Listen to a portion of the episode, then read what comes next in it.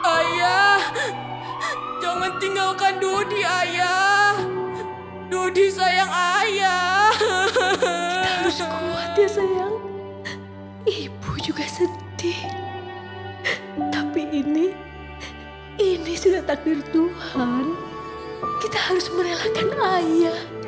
Ayah, jangan pergi. Jadi gimana nih Jo? Kamu ada ide nggak nih? Eh tunggu tunggu.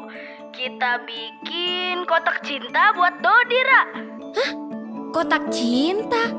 Apaan sih tuh?